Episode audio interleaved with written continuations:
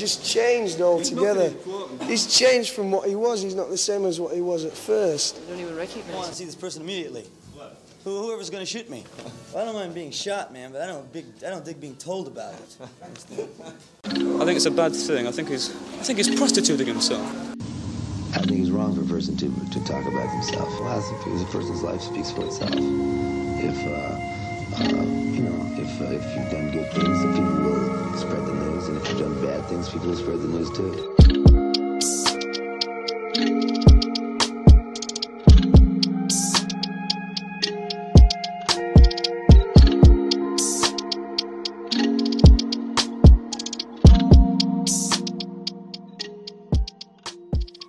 Första gången jag lyssnade på When We Were Kings med Erik Niva förstod jag vad han hade gjort. En podcast som med hjälp av fotbollens ramar berättar om något mycket större och viktigare. En historia om livet. Därför har jag, med enorm inspiration av den podcasten, försökt mig på att göra samma sak, men istället med musikers biografier. När jag kom på att jag ville göra detta projektet blev jag först fylld av idéer, anteckningar och exaltering såklart. Jag har liksom länge velat berätta om historia på ett oortodoxt sätt. Jag har också alltid vetat att musik och dess skapare är en av de mest inflytelserika och intressanta sakerna som existerar. Dessutom fanns en person, en artist, som betytt allt för mig under en väldigt lång tid. En figur som polariserat och slutit ihop en hel generation på många plan. Som jag visste skulle bli den första artisten som jag skulle göra ett avsnitt om. Och det är Bob Dylan. Ehm, så det ni ska få höra idag är det första av många avsnitt som berättar om för det mesta 1900-talet genom en mängd olika artister och låtskrivare. Eh, dagens avsnitt kommer att delas upp i två delar. Eh, första delen denna veckan och nästa vecka kommer del två såklart. Eh, och vi kommer följa hans liv från början till ungefär 1975 efter han har gjort sin ehm, comeback om, vill, om ni vill ha någonting att suga på inför det. Men jag skulle också ljuga om jag inte sa att eh, jag gjorde detta avsnittet i nästan enbart syfte att Fredrik Wikingsson också ska bara höra det och tänka åh jävlar, han är ju skön. Han skulle jag nog vilja äta middag med. Men jag får nog nöja mig med att tillfredsställa mig själv och er som lyssnar. Men Fredrik vet nog vart han kan nå mig om han skulle vilja någonting. Och det sekundära syftet är att jag skapar denna podcasten det är ju faktiskt att när jag var runt 14-15 så blev jag liksom förälskad i musiker och artister före min egen generation. Men jag började dock ackumulera all information, alla klipp, roliga fakta och låtar genom olika källor under många års tid. Jag hade liksom dödat för en podcastserie i denna typen som kommer lång och absolut överdriven detaljerad biografi om mina favoritartister. Och idag har jag också med mig en hjälpreda på något sätt, eh, likt Erik Niva har, men kanske på ett lite annorlunda sätt. Jag har med mig Karin här. Hallå, hallå.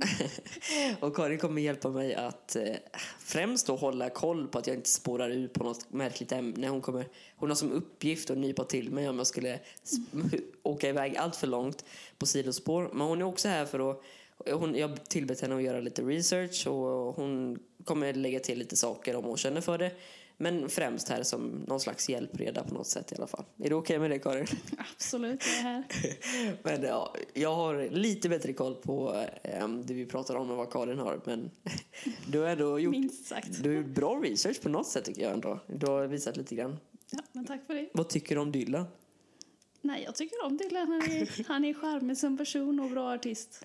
Ja, men det räcker. Vem är din favoritartist så folk vet ungefär var du ligger?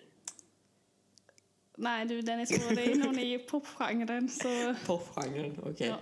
Hur som helst, vi kommer i detta avsnittet i ganska stadig kronologisk ordning gå igenom biografier av kända artister som gjort skillnad och bra musik medan vi också berättar om världen runt omkring dem.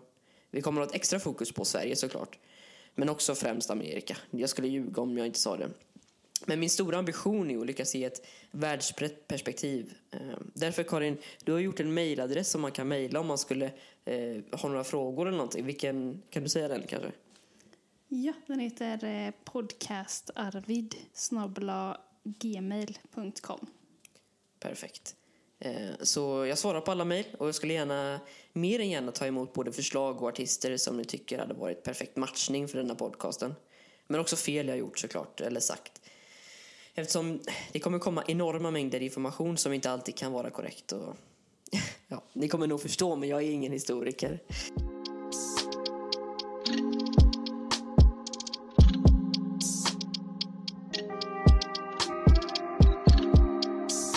Vi kommer att få börja vår historia i ett babyblått symmetriskt familjehus på två plan och källare. 2425 7th Avenue i Hibbing, Minnesota. Där en ung judisk medelklasspojke vid namn Robert Zimmerman växte upp tillsammans med sin far Abe och mor Betty Zimmerman. Det finns flera anekdoter berättade om hans tidiga familjeliv innan tonåren. Och allt tyder på en ja, relativt alldaglig ung pojke som många andra. Han hade också som många andra uppsatta planscher av James Dean i pojkrummet och när han smög hem igen på nätterna efter att ha strövat runt i det lilla samhället blev, han, blev det som i många andra hem också bråk. Eh, saker som hur kan du förvänta dig att växa upp stark och hälsosam om du inte får någon vila hade hans mor sagt efter en hemkomst från biografen i Hibbing. Eh, jag tror det var efter Dylan hade varit ute och sett James Deans sista inspelade scen någonsin innan hans dör då några, tidigare, några veckor tidigare där. Men trots sin uppväxt i staden Hibbing har inte Dylan skrivit så mycket om det i sina texter. Man hade ju kunnat tro att det skulle dyka upp oftare eftersom Dylan har skrivit enorma mängder texter och låtar. Eh, jag tror det är över 600 som han eh, sålde för flera miljarder 2022. Men staden föll aldrig honom ja, riktigt i smaken bara. Alltså under tiden han växte upp var Hibbing en mycket konservativ stad. Alltså mycket isolerad. Dylan har ju själv berättat att staden, ja, han har sagt liksom, inte har något med mig att göra. Inte heller någonting om hur jag blev att göra.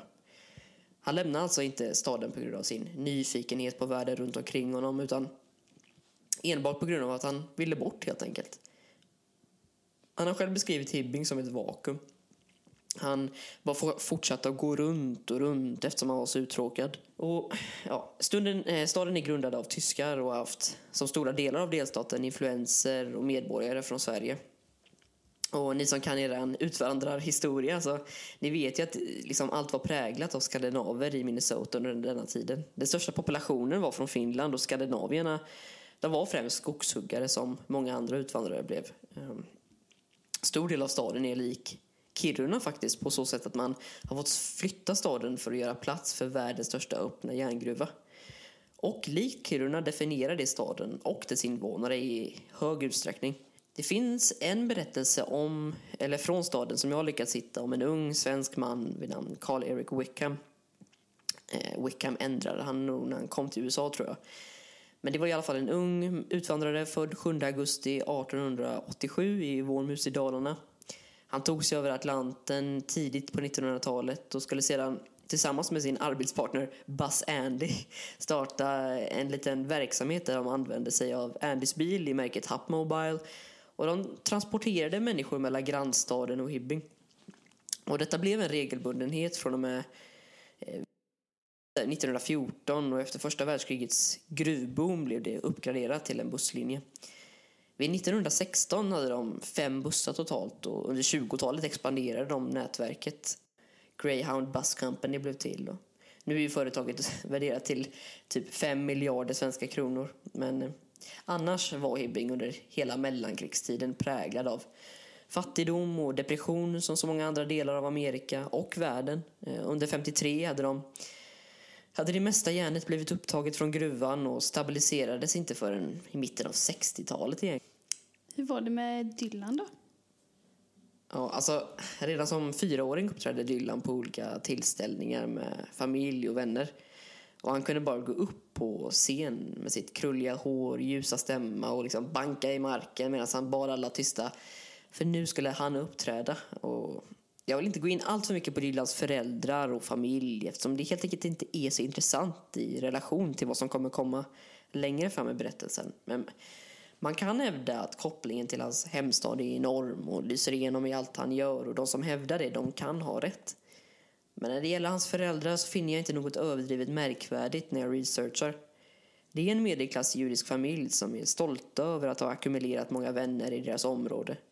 De har motgångar och sjukdomar och finansiella förluster men så såg det liksom ut på den här tidpunkten. Alltså the Great Depression fanns även i Hibbing och 1946 var inte Aber Zimmerman den enda personen som blev drabbad av polioepidemin och ja, därav namnet epidemi kanske. Och, i alla fall, kanske var det när familjen Zimmerman äntligen investerade i en tv-apparat 1952 Dylan verkligen fick en ny blick över hur livet också kunde se ut en tv han och hans bror eh, David tittade intresserat på tillsammans.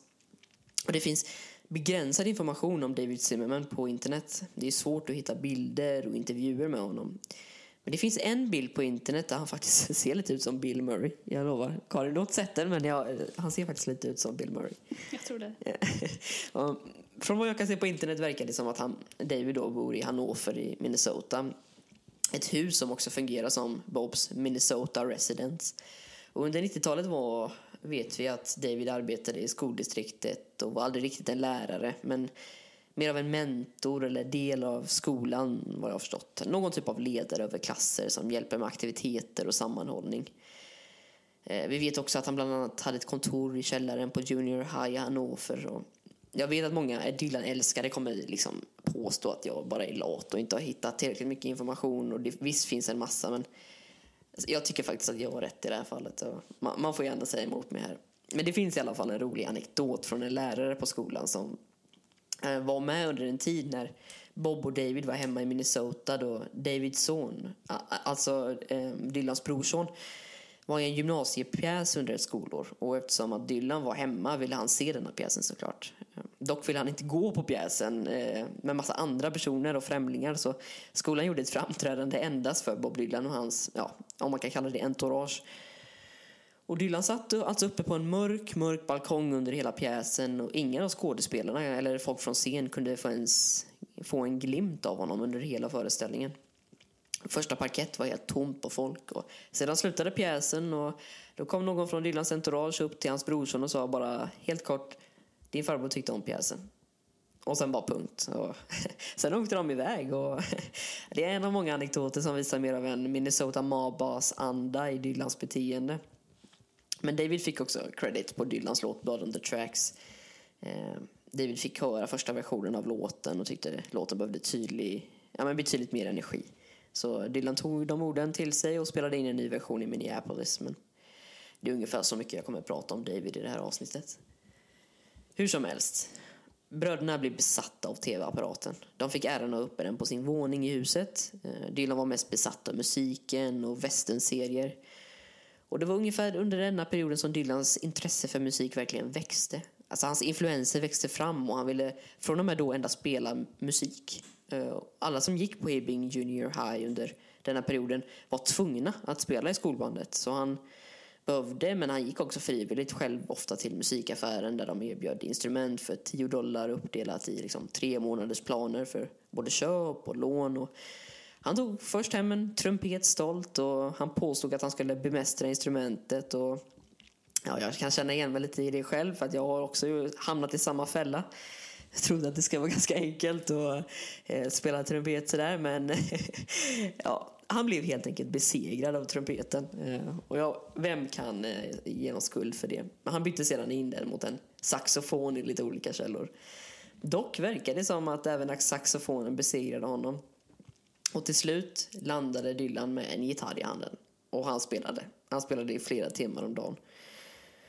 Och gitarren ska ha blivit som en snuttefilt för honom. Men sen ska han tydligen sett på det som ett någon slags vapen. Alltså vittnesmål från staden Hibbing ska ha påstått att han att de har sett honom vandra upp och ner längs gatorna med gitarren hängandes över axeln som en soldat som marscherar typ. Men hur var Dylan egentligen som person under de åren? Ja, det är en väldigt bra fråga, men alltså populärpsykologer hade haft en väldigt svårt att kategorisera honom på denna tiden. Man kan varken säga att han kort efter han fick gitarren blev en extrovert eller introvert person. Han drev sig däremot undan från familj och klasskamrater under denna perioden.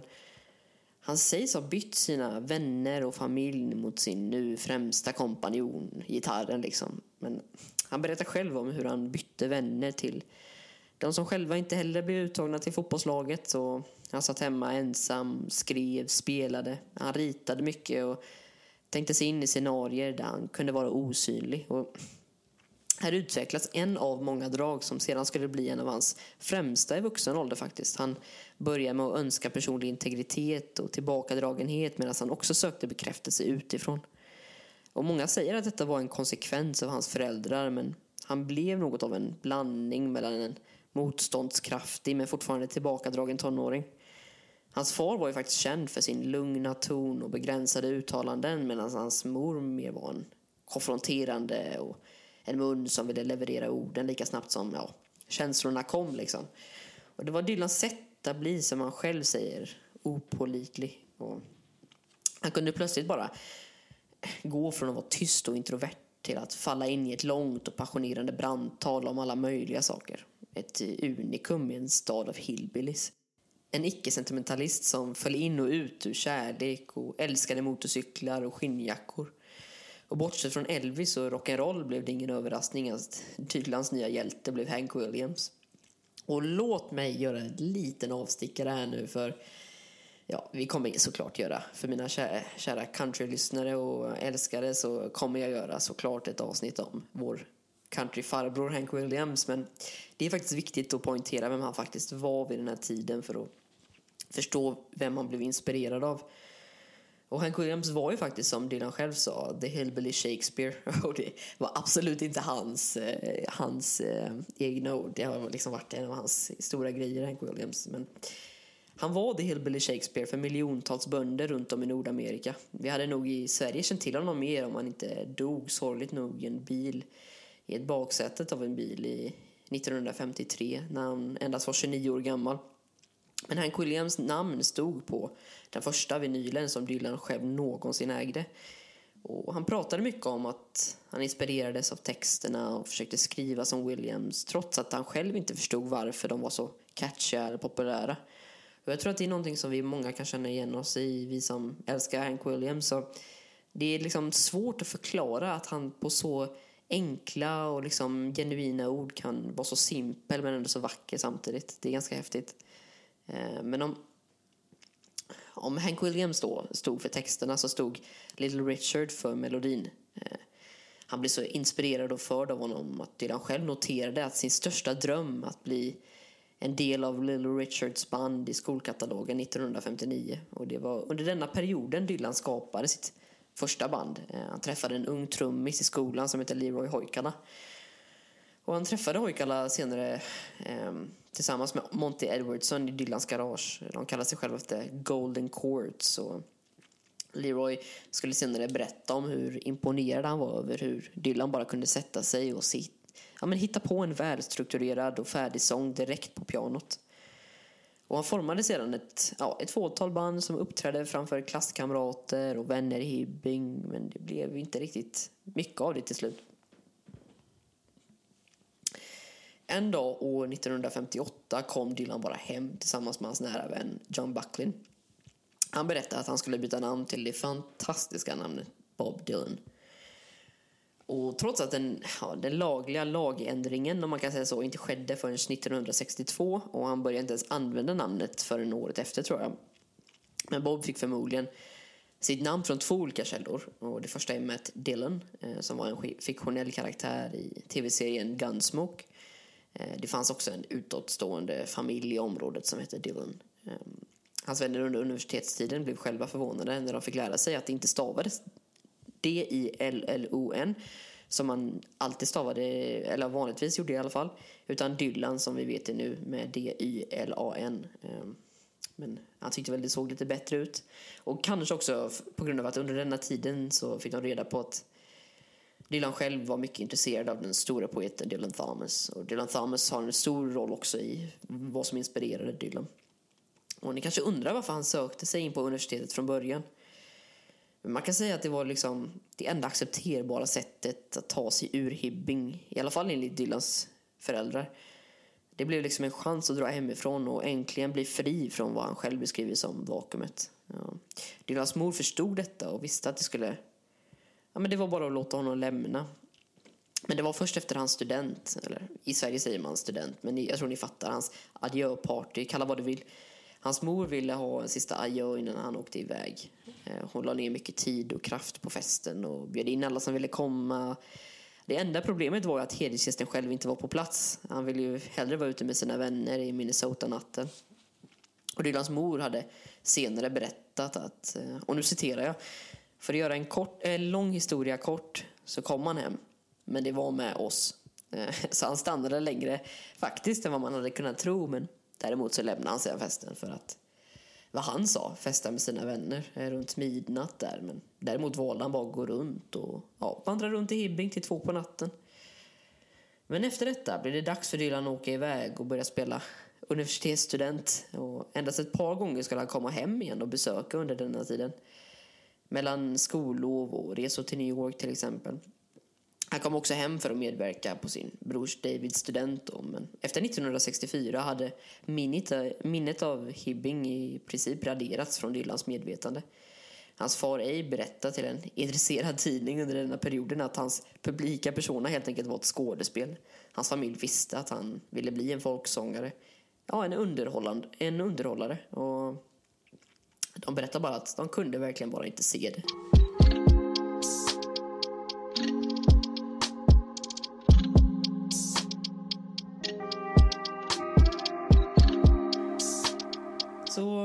Familjen gjorde ett muntligt avtal med Dylan om att han skulle få ett år på sig att bli folkartist. I mina annoteringar här är det lite roligt, eller jag vet inte hur roligt det är, men de vill verkligen att jag ska säga folkpartist hela tiden. Men det hade ju varit något om Dylan blev folkpartist. Hur som helst, om det misslyckades skulle han behöva åka tillbaka och studera. Eh, detta gick Dylan faktiskt med på och som de flesta vet hade ju inte jag suttit här med Karin om det inte var så att Dylans karriär blev verklighet och familjen lärde sig att acceptera det. Eh, hans far blev inte längre motståndare av musiken och kulturen. Men han kände sig dock fortfarande manad att berätta för vänner och grannar och att anledningen till att de inte såg Dylan så ofta var att han gärna flög in sent på natten för att träffas för att sedan flyga bort igen tidigt på morgonen. Ja, men detta tillförde samtidigt något till Dylans mystik och generella betraktelse hos allmänheten. Historien fick faktiskt fäste i stan och en av Hibbing, eller jag tror till och med det var flera av Hibbingborna som ja, svor över att de hade sett planet flyga in mot staden sent på natten. Men sedan så mellanlandade han väl i eh, Colorado, var det inte så? Eh, jo, men faktiskt precis. Eh, det var i Denver eh, i Colorado som Dylan lärde sig spela munspel faktiskt. Eh, han hade innan universitetstiden kan man säga i Minnesota fått höra att folkscenen i Denver skulle vara något utöver det vanliga. Och detta visade sig stämma i viss utsträckning och Dylan träffade många nya människor där och fick uppträda på olika kaféer runt om i stan. Många påstår också att det var vid denna tidpunkten som artisten och akten Bob Dylan fick sina första rötter.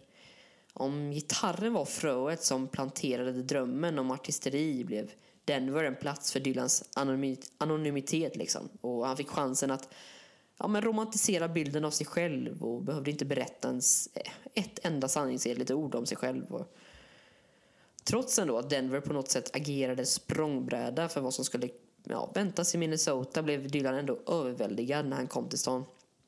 Han skulle sedan komma och återvända till Denver under året efter, typ 1960 tror jag. Men man kan säga att han var inspirerad av On the Road och huvudpersonen Moriartys konstanta resor fram och tillbaka till Denver. Och huvudsyftet var då att göra spelningar i staden eftersom den vibrerande musiken vid denna tiden liksom. Men han stack ut även då. Han stod på scen och blev sedd på som lite ja, ofräschare än andra på den här tiden. Ehm, och Dylan sov hemma hos olika bekanta som han skaffat sig under sina turer fram och tillbaka. Men nu har han i alla fall landat i Minnesota. Eller mer korrekt, i the Twin Cities. Ja, för er som kan er utvandrarhistoria igen så är det en viktig del av den också. Men Minneapolis och St. Paul är alltså the Twin Cities. Det är två städer som på två delar av Mississippifloden tittar mot varandra. Det är liksom 33 mil från hans hemstad hade han hamnat. Och som han själv sa det medan han var på universitetet. Um, the campus of which is on the east bank of the Mississippi, sandwiched between the twin cities. Ganska fint ändå småstadspojke som kommer till en storstad för att leva. Vittnesmål om hur Dylan hade en annorlunda dygnsrytm och schema än andra studenter kom fram och han ska ha agerat ja, tämligen annorlunda än ett ganska bra tag. Folk berättar om hur han de bara kunde se honom lunka in på ett café i en av de universitetets intellektuella bohem och folkområden Dinkytown där Dylan bland annat spelade med sina vänner. Och han sågs på som en småstadsperson. Han hade på sig annorlunda kläder. Det sägs att han betedde sig som en gymnasieelev fortfarande. Han poserade och gick runt med händerna i sitt bälte. Han var helt enkelt, eller helt och hållet fortfarande inne i sin rock'n'roll-fas. Man får också tänka på den kulturella kontexten här. För det, detta är två år efter att Jack Kerouacs On the Road varit en bästsäljare. Han är unik. Eh, Dylan ska ha burit runt på många skrivblock och pennor med de innehöll ju aldrig något skolarbete. Och det var klart bara efter en kort tid att Dylan inte var där för att studera. Dock fanns det flertalet anekdoter om honom från observerare som alla sägs ha haft en nära relation med honom. Och sanningshalten går ju att ifrågasätta för att det är väl i varje rockbiografi så känner ju alla gamla barndomskompisar, de var ju bästa vänner med alla rockstjärnor såklart. Men återkommande är i alla fall att när Dylan satte sig ner blev han snabbt rastlös, stampade maniskt med fötterna. Och det finns en person som sägs ha varit bra vän då med Dylan som påstod att han var duktig, visst, men den här personen var överlägsen gitarrspelare än Dylan vid den här tiden. Och samma person berättar också om hur han en gång bodde tillsammans med honom. Och boendet förändrades egentligen varje vecka. Och en gång när han skulle väcka i alla fall, så, alltså väcka Dylan för ett viktigt prov, hade han en morgon blev Eh, alltså Dylan hade blivit rosenrasande och hotat med att slänga ner honom för trappan. Så jag vet inte. Ja, jag Men gud. vet. Men nej, Dramatiskt. ja, jag tror inte det var sant egentligen. Vad var det Dylan studerade? Eh, det är inte helt solklart tycker jag, men jag tror han först studerade liberal arts. Eh, Jag vet inte hur man skulle översätta det, men fokus i musik i alla fall. Eh, men det har inte någon överdrivet stor betydelse sett till hur, alltså hur fort han bara struntade i allting. Han tog sig motsträvet igenom de första terminerna av engelska. En av hans mentorer ska senare ha berättat att visst, han var talangfull och ganska lovande ung student, men han hade en annorlunda livsstil och dygnsrytm helt enkelt. Så eh, jag tror han sa att han var en så kallad loner.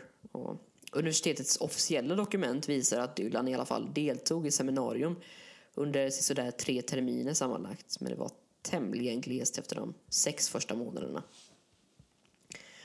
Och det finns en eh, mytomspunnen anekdot från en ung kvinna som... Äh, ung kvinna. Jag tror kanske att detta var en man. Men för det första tycker jag att Pancake låter mer som en kvinna. Och den här historien är hundra gånger roligare om det är en kvinna. Så jag, vi, vi låtsas som att det är det. Och hon hette Pancake. Eh, och man ska ta den här med en nypa salt såklart. Hur som helst skulle Pancake iväg under en kort tid och hade glömt att låsa dörren till hennes rum i universitetskorridoren.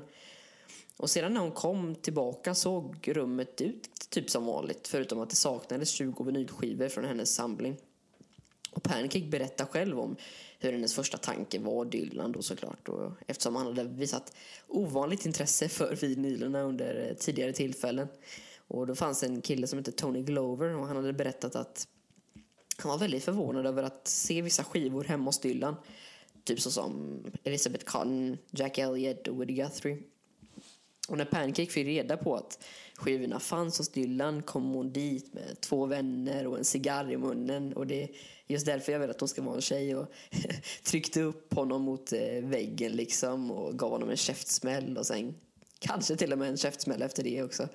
Och Dylan lovade att lämna tillbaka skivorna och han gav till och med sin gitarr i pant. Och dagen efter kom Dylan och genomförde bytet. Ehm, Pancake minns inte om han bad om ursäkt eller inte men hon minns i alla fall att hon egentligen tyckte att Dylan borde haft skivorna mer än henne. Ehm, men hon var tvungen att visa honom att man inte stjäl från andra helt enkelt. Det finns en till historia från Denver när han faktiskt har fått bott, bott hos ett par musiker ett tag och vetat att dörren inte var låst på dagtid. Verkar vara en rejäl tjuv Dylan faktiskt under den här tiden. Och därför ska han ha stulit olika album som han sedan tagit med sig till hotellrummet som han själv hade då. Ehm, och det ska snart ha märkts att det saknades liksom skivor och polisen blev involverad ganska snabbt. Och när de väl knackade på rumsdörren till Dylan hade han kastat ner dem i bakgården av hotellet och sedan gråtit när han blivit förhörd av polisen. Jag tycker inte källorna är trovärdiga här men det nämns ändå i två biografier jag läst så man vet faktiskt aldrig Karin. Nej, det men det är lite underlig historia. Ja, Men eh, som du säger så stjäl han ju, en av dem han stjäl är ju Woody Guthrie-skiva. Woody Guthrie, ja. Precis. Det är inte lätt, jag är hundra år gammal artist. Men det är väl så att Woody är en, eller blev, en enorm inspiration för Dylan. Var det inte så?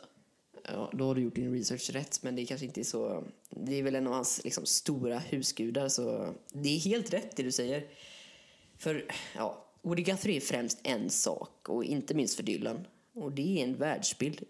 alltså, Woody hade allt för att bli romantiserad. Han var den stereotypiska trubaduren, sångaren, historieberättaren, poeten, unionsmannen, resande journalist kanske man kan säga, liftare, migrantarbetare och ja, därmed invandrare.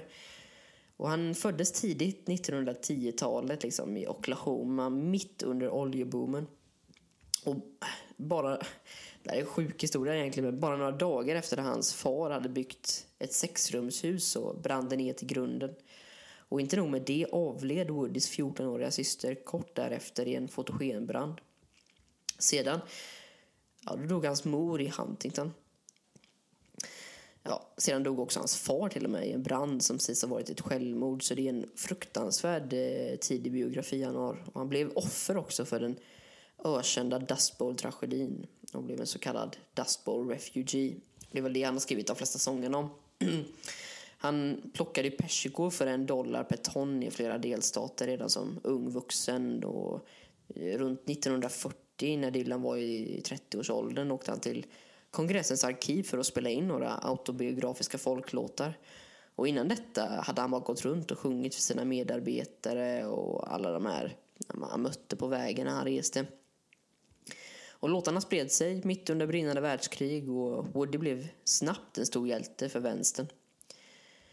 Ehm, albumet Bound for Glory golvade Dylan första gången han hörde det. Och det var en av anledningarna till att han började romantisera hobo-livsstilen. Ehm, och ni kanske undrar varför jag pratar om Woody helt plötsligt egentligen och så ingående. Och jo, under nästa in, alltså nästkommande tiden kan man säga skulle egentligen Dylans liv förändras. Under denna perioden började ju den verkliga besattheten av Woody ta form och han skulle ägna sina alltså, nästan månader nästan och härma och spela exakt som Woody.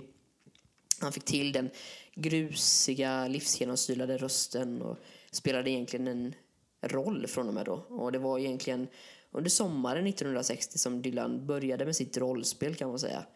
Nära vänner till honom säger att han själv medgav att det fanns en genuin önskan att skapa en ny identitet och Dylan var uppenbarligen väldigt öppen med det. Han förklarade att han byggde en karaktär och att det var ett skådespel alltihopa. Sedan när man frågade honom om just det uttalandet två dagar senare så sa han bara att det också var ett skådespel. Så, ja, ni fattar ju att han är ganska opolitlig men Dylan såg i alla fall upp och identifierade sig med ja, främst Woodys självständighet, rika vokabulär och ballader som utan tvekan kom från ett genuint ställe inom honom. Men också faktiskt munspelet och gitarren och inte minst då den krassliga rösten. Och med allt detta blev Woody kanske, ja, han saknade storebror, det som fadern aldrig riktigt blev. Någon att se upp till och bli som. Dylan gjorde ju ofta Woody-liknande exitar från Minneapolis. Han kunde ju bara säga att han skulle lyfta hela vägen till New York och inte höras av på ett tag för att bara en stund senare ses vid busstationen. Och med anledning till dessa resor och eventuella flytt till New York hade egentligen bara ett syfte och det var att eh, träffa hans stora idol som låg allvarligt sjuk i staden. Och nu kommer faktiskt in på den här perioden som kanske främst skapade den karaktär vi känner idag. Eh, och det är nämligen New York-tiden.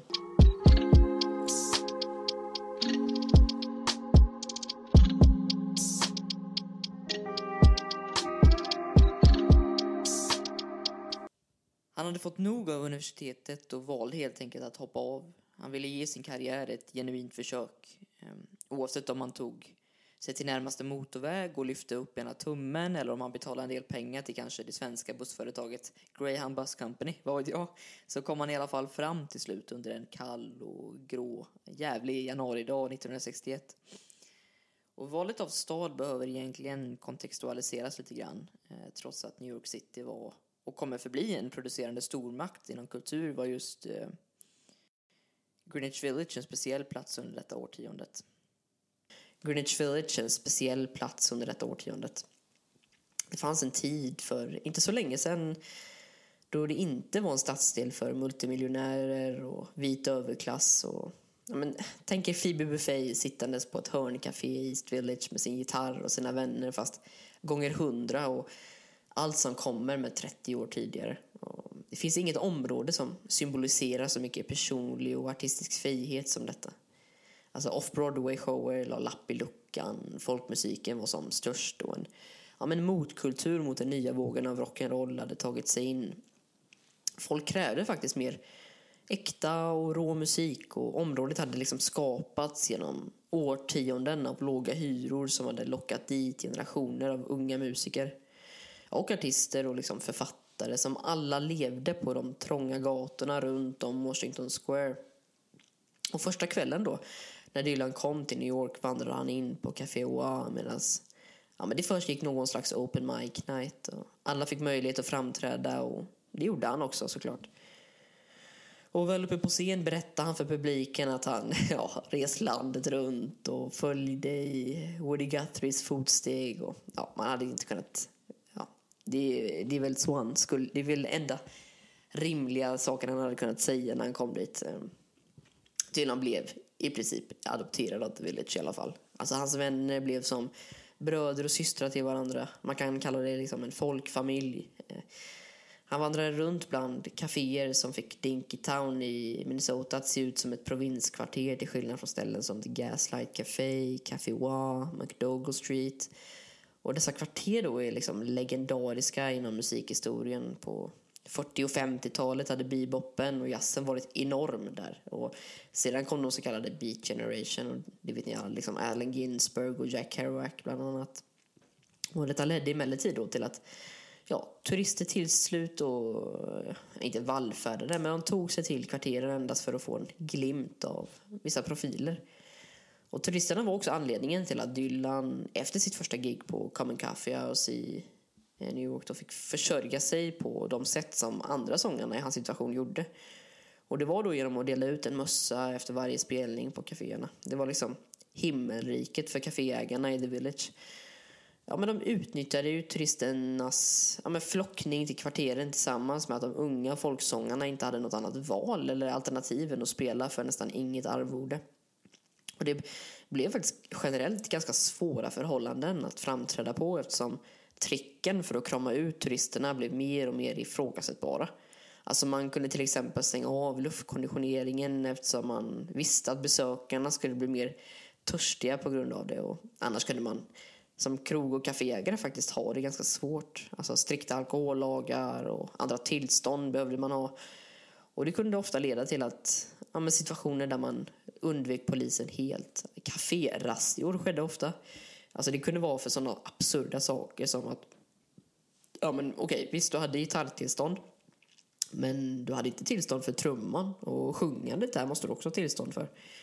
Så hela våren och sommaren 1961 strövade Dylan i alla fall runt bland kaféerna och försökte samla in alla intryck och lärdomar han kunde ta in. Och trots det var ja, men allting till en början en endast... Men han betraktades som en bakgrundsspelande munspelare och en gitarrist. Liksom. Eh, festivaler i New York fick Dylan möjlighet att lyssna och vara delaktig ändå när han Eh, han och kanske folkscenens största sångare Dave Van Ronk, eh, men främst då Jack Elliott spelade. Eh, Jack Elliott som av Woody Guthrie själv hade pickats ut som en reinkarnation av honom själv. Eh, Woody sägs ha sagt att han lät mer, mer eller mindre som han själv gjorde. Eh. Det var tidigt i februari 1961 som Dylan för första gången kom ansikte mot ansikte med Woody. I sjukhussängen låg han nedbruten av samma sjukdom som tagit hans mor. Och att Dylan kom och besökte honom, visst, alltså det kan låta en grutta integritetskränkande. Ehm, men detta var Woody och dessutom fick han ofta besök av unga folkartister från runt om staden som älskade att sjunga hans musik för honom. Ja, men lika mycket som han älskade att höra det. Eh, Woody själv behövde ja, men visa uppskattning på annorlunda sätt. Han hade ju svårt att prata och han kommunicerade genom gester. Och när de kom på besök i grupper var Dylan ja, men, han var fortfarande väldigt blyg. Han satt ofta bakom alla när de pratade med Woody. Men han har senare pratat om att han ja, men hur han kunde kommunicera utan ord. Det fanns liksom någonting som gjorde att de förstod varandra utan ord.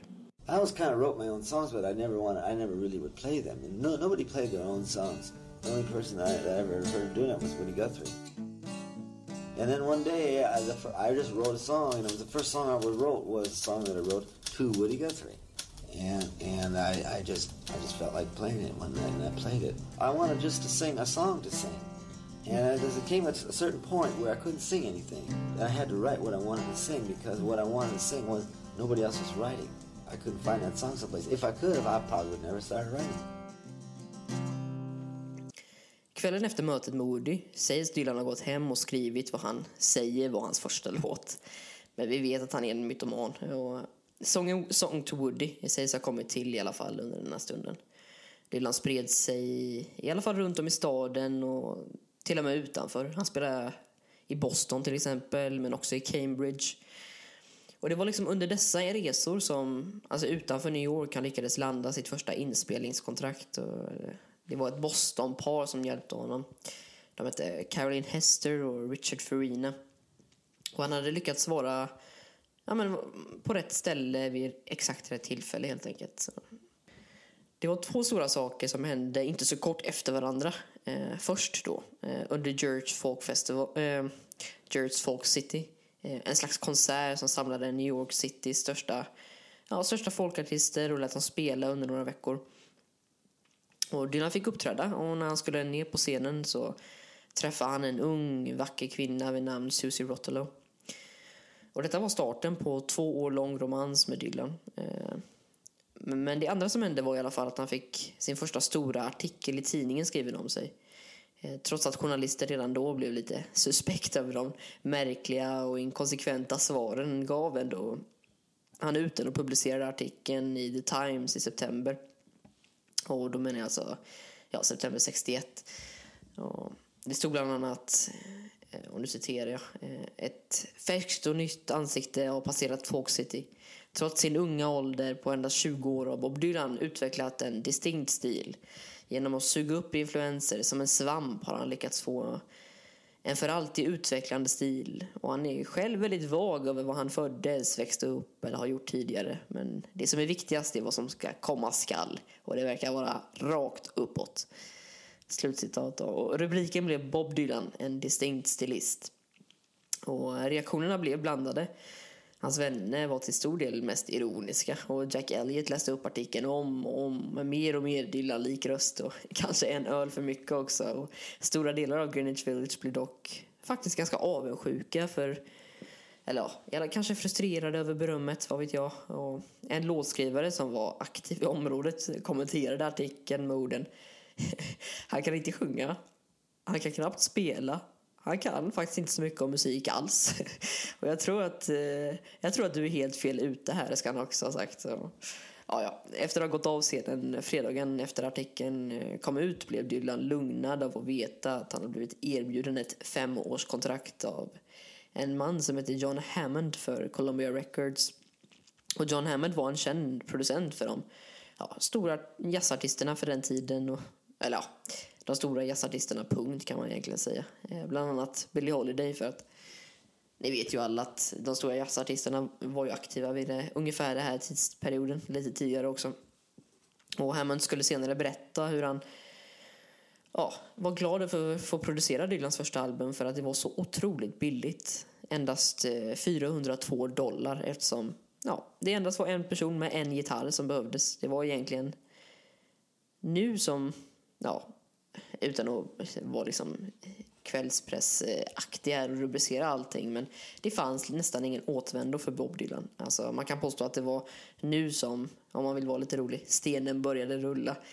Han blev liksom igenkänd artist som tilldrog sig både beröm men också kritik vart han än gick och skrev som omtalad och början på ett enormt kändisskap. Sedan skulle väl debutalbumet spelas in också, var det inte så?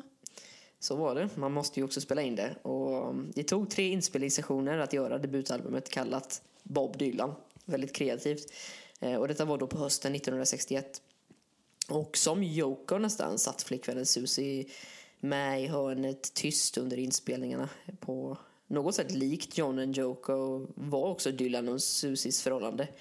Eh, för det präglades alltså av personer som ja, men personer utanför som var kritiska mot förhållandet. Speciellt då Susies mor som försökte otaliga gånger få dem att göra slut med varandra.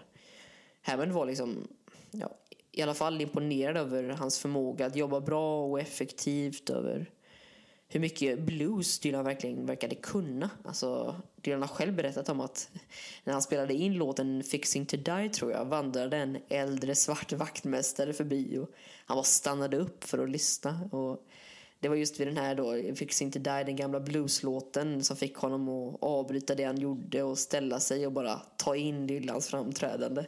Något som Dylan själv inte kommer glömma i alla fall. Och det är faktiskt typ det som utmärker debutalbumet främst för att Ja men det är verkligen hans förståelse för svart blues och det är väl ändå lite märkligt eftersom han kommer från den bakgrunden han gör men Senare i alla fall skickade Hammond testkopior av albumet till Dylan så han kunde skriva på Eh, de, det som kallas, det kallas liner notes under en pseudonym och då valde de Stacey Williams, ett namn som Dylan bara tog från tomma intet. Och det finns nämligen en oskriven regel då att som i och för sig alltid blir bruten men att personer som skrev för The Times inte skulle ha något att göra med produktionen av albumet de recenserade. Och ja, som ni hade kunnat tänka er, Dylan blev förstås väldigt uppspelt när han fick höra detta. Och de båda kom överens om att om någon skulle fråga vem Spacey Williams var så skulle Dylan bara mumla något om en äldre jazz och blueskille som skrev lite för Columbia Records. Efter en lång väntan i alla fall så och mycket förseningar faktiskt kom albumet ut sent på våren och året efteråt. Och, ja, förseningarna gjorde väl att Dylan blev lite frustrerad och kände att ja, delen som visades på albumet var en version av honom från mycket länge sedan och något man kunde lägga ja, nederst i kartongen i källaren tror jag han sa. Och tiden efter albumet, ja, det präglades mest av ett fåtal spelningar på ställen där han var välkommen att spela. Och trots att det var få spelningar blev han ja, faktiskt verkligen uppskattad och hyllad när han väl fick spela.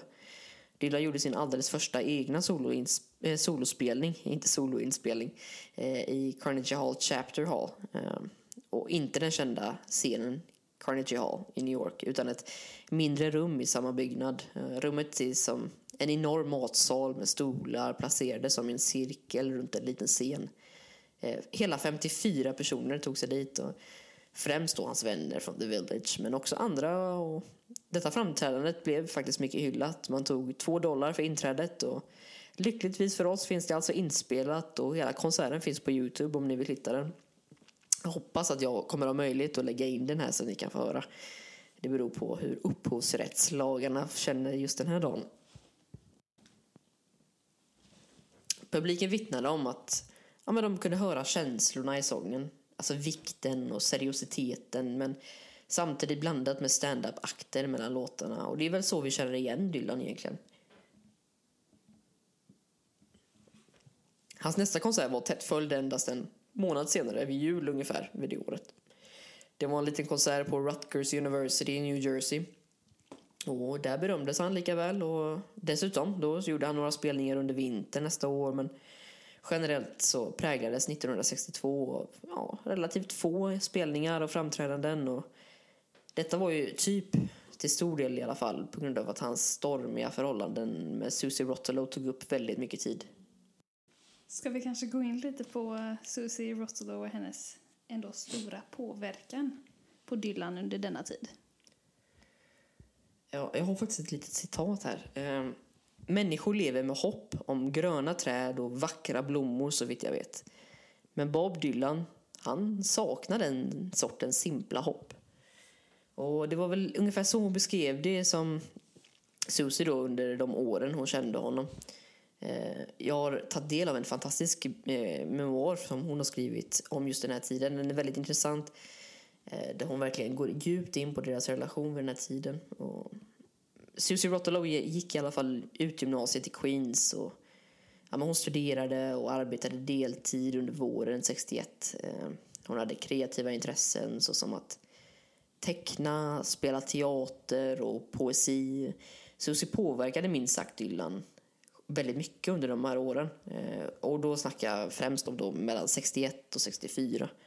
Och då hade Dylan redan skrivit ett flertal dedikerade låtar eh, till just henne då. Hon var... Ja men...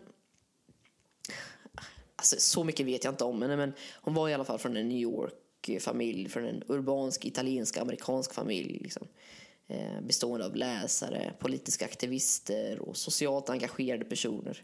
Jag tror ni alla känner igen typen. Och Susie kände sig förmodligen, ja, faktiskt överskuggad av Dylan det mesta av tiden. Och är det verkligen så konstigt egentligen?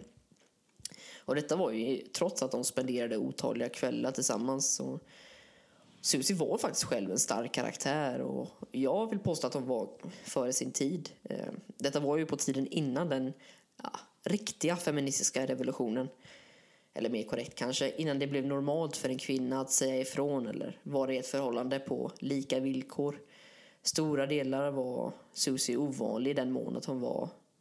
Ja, men det var hon som hade kontrollen över Dylan i deras förhållande. Hon ville visa sin identitet och personlighet också, eh, vilket inte är så lätt på grund av Dylans starka personlighet. Hon var uppenbarligen inte enkel att ha att göra med och under denna tiden, och inte minst att leva med. Eh, Susies stora syster Carla blev snabbt vän med Dylan och hade mest kontakt med honom under perioden då han började få mer uppmärksamhet och hon berättar själv om att hon minns hur han på kvällarna testar nya kläder och smycken framför henne. Och han frågade efter smakråd och om de inte testade kläder lyssnade Dylan på Carlas skivor och han levde i hennes lägenhet tillsammans med henne och Susie under den här tiden. Och hon skulle ha sett på Dylan som ett barn som hon tog hand om tills hon fick nog en dag och förstod att det inte alls var så, att de faktiskt var i samma ålder. Och då bad hon honom bara helt enkelt att flytta ut och vem kan klandra henne? Men som jag nämnde tidigare försökte Susies mor då flertalet gånger få dem att göra slut eftersom hon inte tyckte om Dylan som person alls. Hon tyckte att Dylan hade en dålig personlighet, eh, dålig hygien och han var inte tillräckligt generös med sina egna pengar. Hon skulle ha synat honom när hon fått reda på hans bakgrund i Minnesota och kallat honom en svamp framför honom med motiveringen då att han suger upp alla omkring sig med... Och det är ju en tämligen allvarlig anklagelse och jag hade också blivit lite upprörd men uppenbarligen var det faktiskt jobbigt för Dylan att hon ja, men såg igenom honom på det sätt ingen annan gjorde.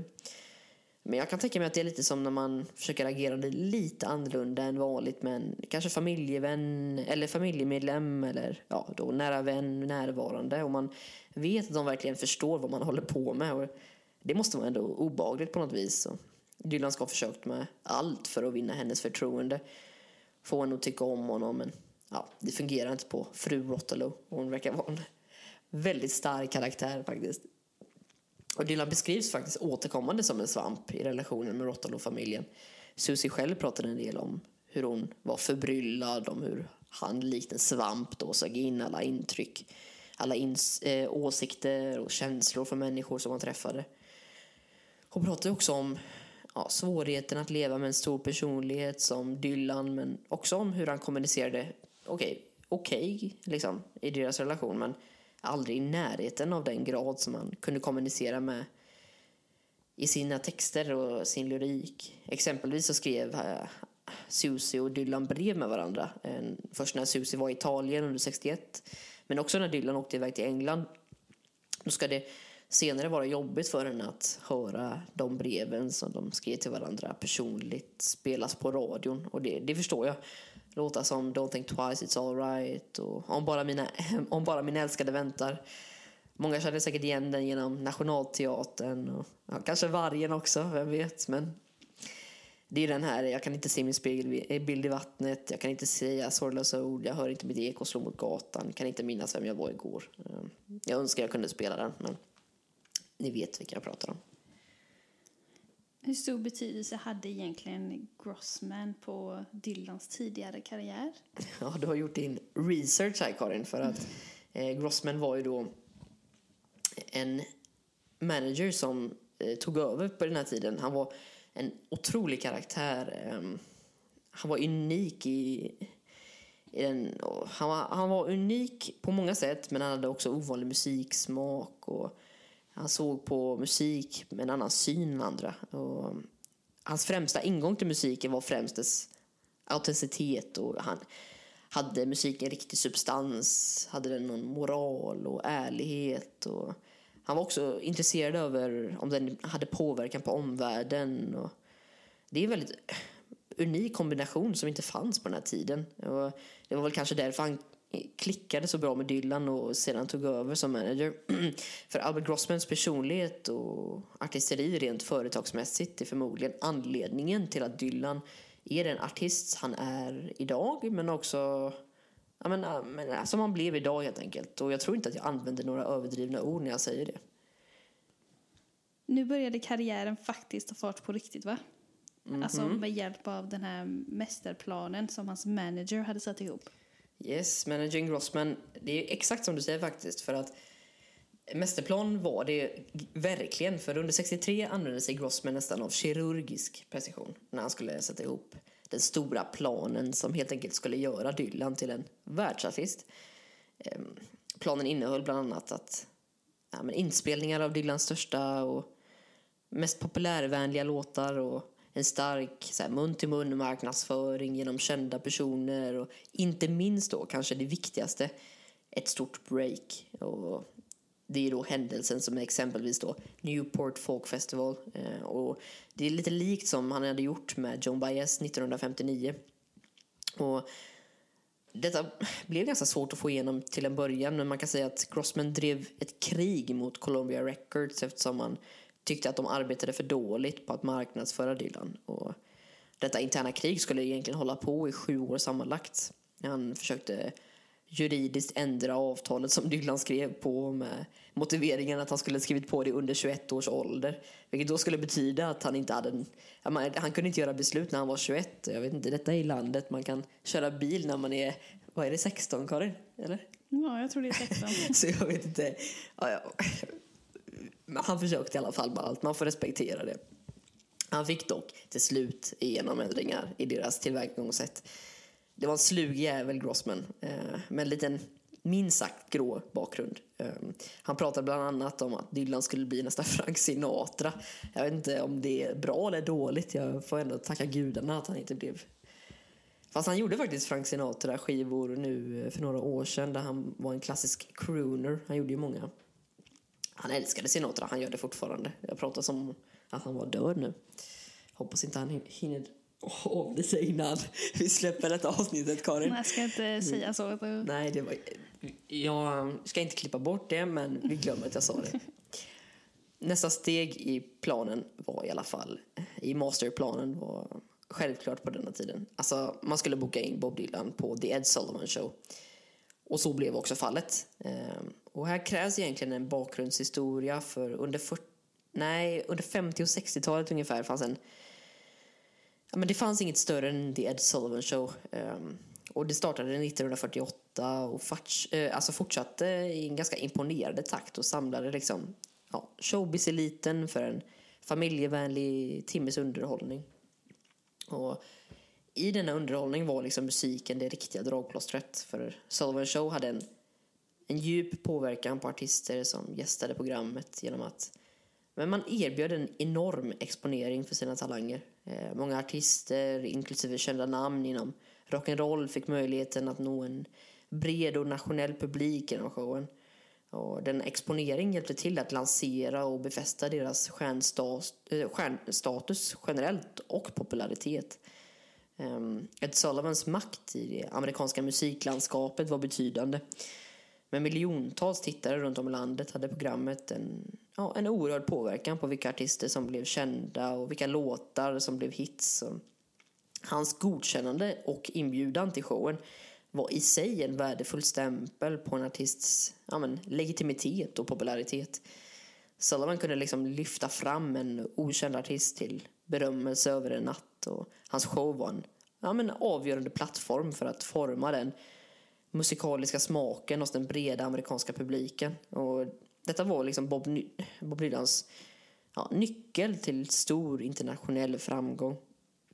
För ja, ni som också kan er Beatles historia till exempel, de gjorde sin debut i The Ed Sullivan Show mitt i Beatlemania 64 och det är liksom tänkt som ett speciellt tillfälle eh, och något som nu har blivit en avgörande del i den ikoniska gruppens historia. För Eh, när man läser Paul McCartneys Anthology ehm, så sa han, jag tror jag ska ta fram citatet här för att han sa ehm, 73 miljoner människor uppgavs ha satt på den första showen.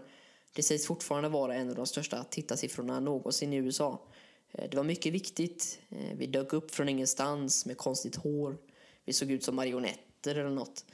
Och det var väldigt inflytelserikt. Jag tror att det verkligen var en av de stora sakerna som gjorde oss kända. Frisyren mer än musiken från början. Många fäder ville nog stänga av oss. De sa till sina barn, låt dig inte luras. De har peruker. Så, ja. The Beatles framträdande var inget annat än jordskakande egentligen. Särskilt för de som bevittnade dem. Grossman lyckades i alla fall få med Dylan den 12 maj 1963. 273 dagar innan The Beatles gick upp på samma scen för att skapa historia. Och detta blev inget mindre än en riksnyhet, men ja, kanske inte på det sättet som de flesta hade kunnat tänka sig. Det var nämligen så att en vecka före framträdandet skulle genomföras så hade Dylan spelat låten Talking John Birch Society Blues för Sullivan och hans producenter då. Ehm, alla involverade tyckte om det och de hade inga nämnvärda invändningar om låtvalet. Däremot, under upptakten av programmet den 12 maj, då kom redaktören för CBS och konstaterade att låten absolut inte kunde vara med i programmet. Alltså han förutspådde stora förtalsåtal och ja, men mot kanalen då eftersom Dylan i låten då jämförde John Birch Society med Hitler. Och John Birch Society då eh, förkortas oftast GBS för er som inte vet. Jag kan inte förvänta mig det men det är en, eller var en amerikansk eh, paleokonservativ organisation eh, och de betecknade sig som en patriotisk och antikommunistisk organisation med, ja, med generellt kristna värderingar. Men de kategoriseras ofta som en högerradikal och till och med högerextrem organisation. Och i sången Talking John Birch Society Blues, eh, eller jag tror den heter Talking John Birch Paranoid Blues, jag har dålig koll på låten faktiskt. Eh, men där beskriver Dylan liksom en kommunistskräck som en fiktiv medlem upplever. Och först blev ju Sullivan uppretad över att eh, han inte fick spela den och sedan blev Grossman irriterad. Och sen kom vi till självaste Dylan som blev rasande. Eh, och det var ingen skräll kanske för er som känner honom. Och sen när Sullivan tillbad honom att vara så snäll och spela en annan sång så ja, då sa Dylan förstås att han absolut inte skulle spela något annat. Och så kommer Ja men så var det med den saken och det fanns ingenting att göra åt det och han ska sedan ha stormat ut i studion och dragit hem till The Village med sina vänner och bara suttit och svurit åt dem hela natten. De jävlarna skulle han ha sagt. Och, ja, han visste att det skulle bli en bra anekdot. Men alltså, han visste att det skulle bli en bra anekdot främst då. Men han själv återberättar den här historien faktiskt ganska många gånger under konserter genom åren. Men jag vill också att ni som lyssnar nu inte bara låta detta passera som något vanligt ställningstagande som en ung revolutionistisk artist gör i affekt. Men låt oss ändå istället förstå att Dylan valde att tacka nej för att framföra sina låtar inför en publik stor som Sveriges population. Av, princip, alltså av principskäl samtidigt som hans debutalbum sålt endast 5000 kopior vid den här tiden. Det är en otrolig uppoffring för och det säger faktiskt mer än vad man tror om artisten.